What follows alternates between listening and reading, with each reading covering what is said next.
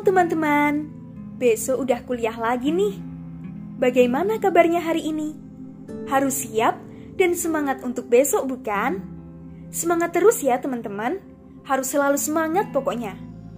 Tapi ucapan semangat ini gak ada gunanya juga sih jika dari diri teman-teman sendiri belum ada keinginan dan tekad yang kuat untuk menjadi semangat.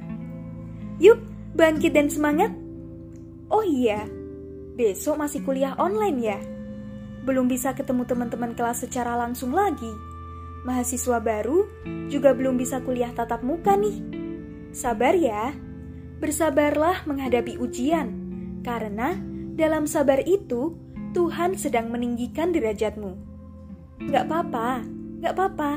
Semua itu juga keputusan yang terbaik kok buat kita. Tapi jangan putus asa itu nggak akan menghalangi kita untuk terus bertumbuh dan berproses kan? Tapi nanti kalau online jadi males kak. Males itu wajar kok, manusiawi.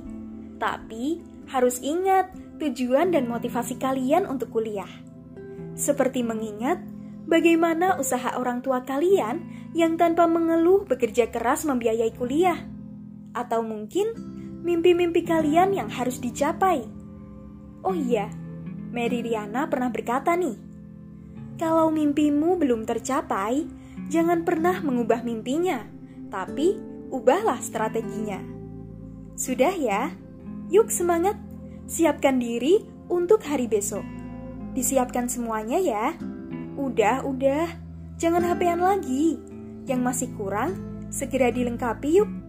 Semangat teman-teman, kutunggu suksesmu saat kita bertemu nanti.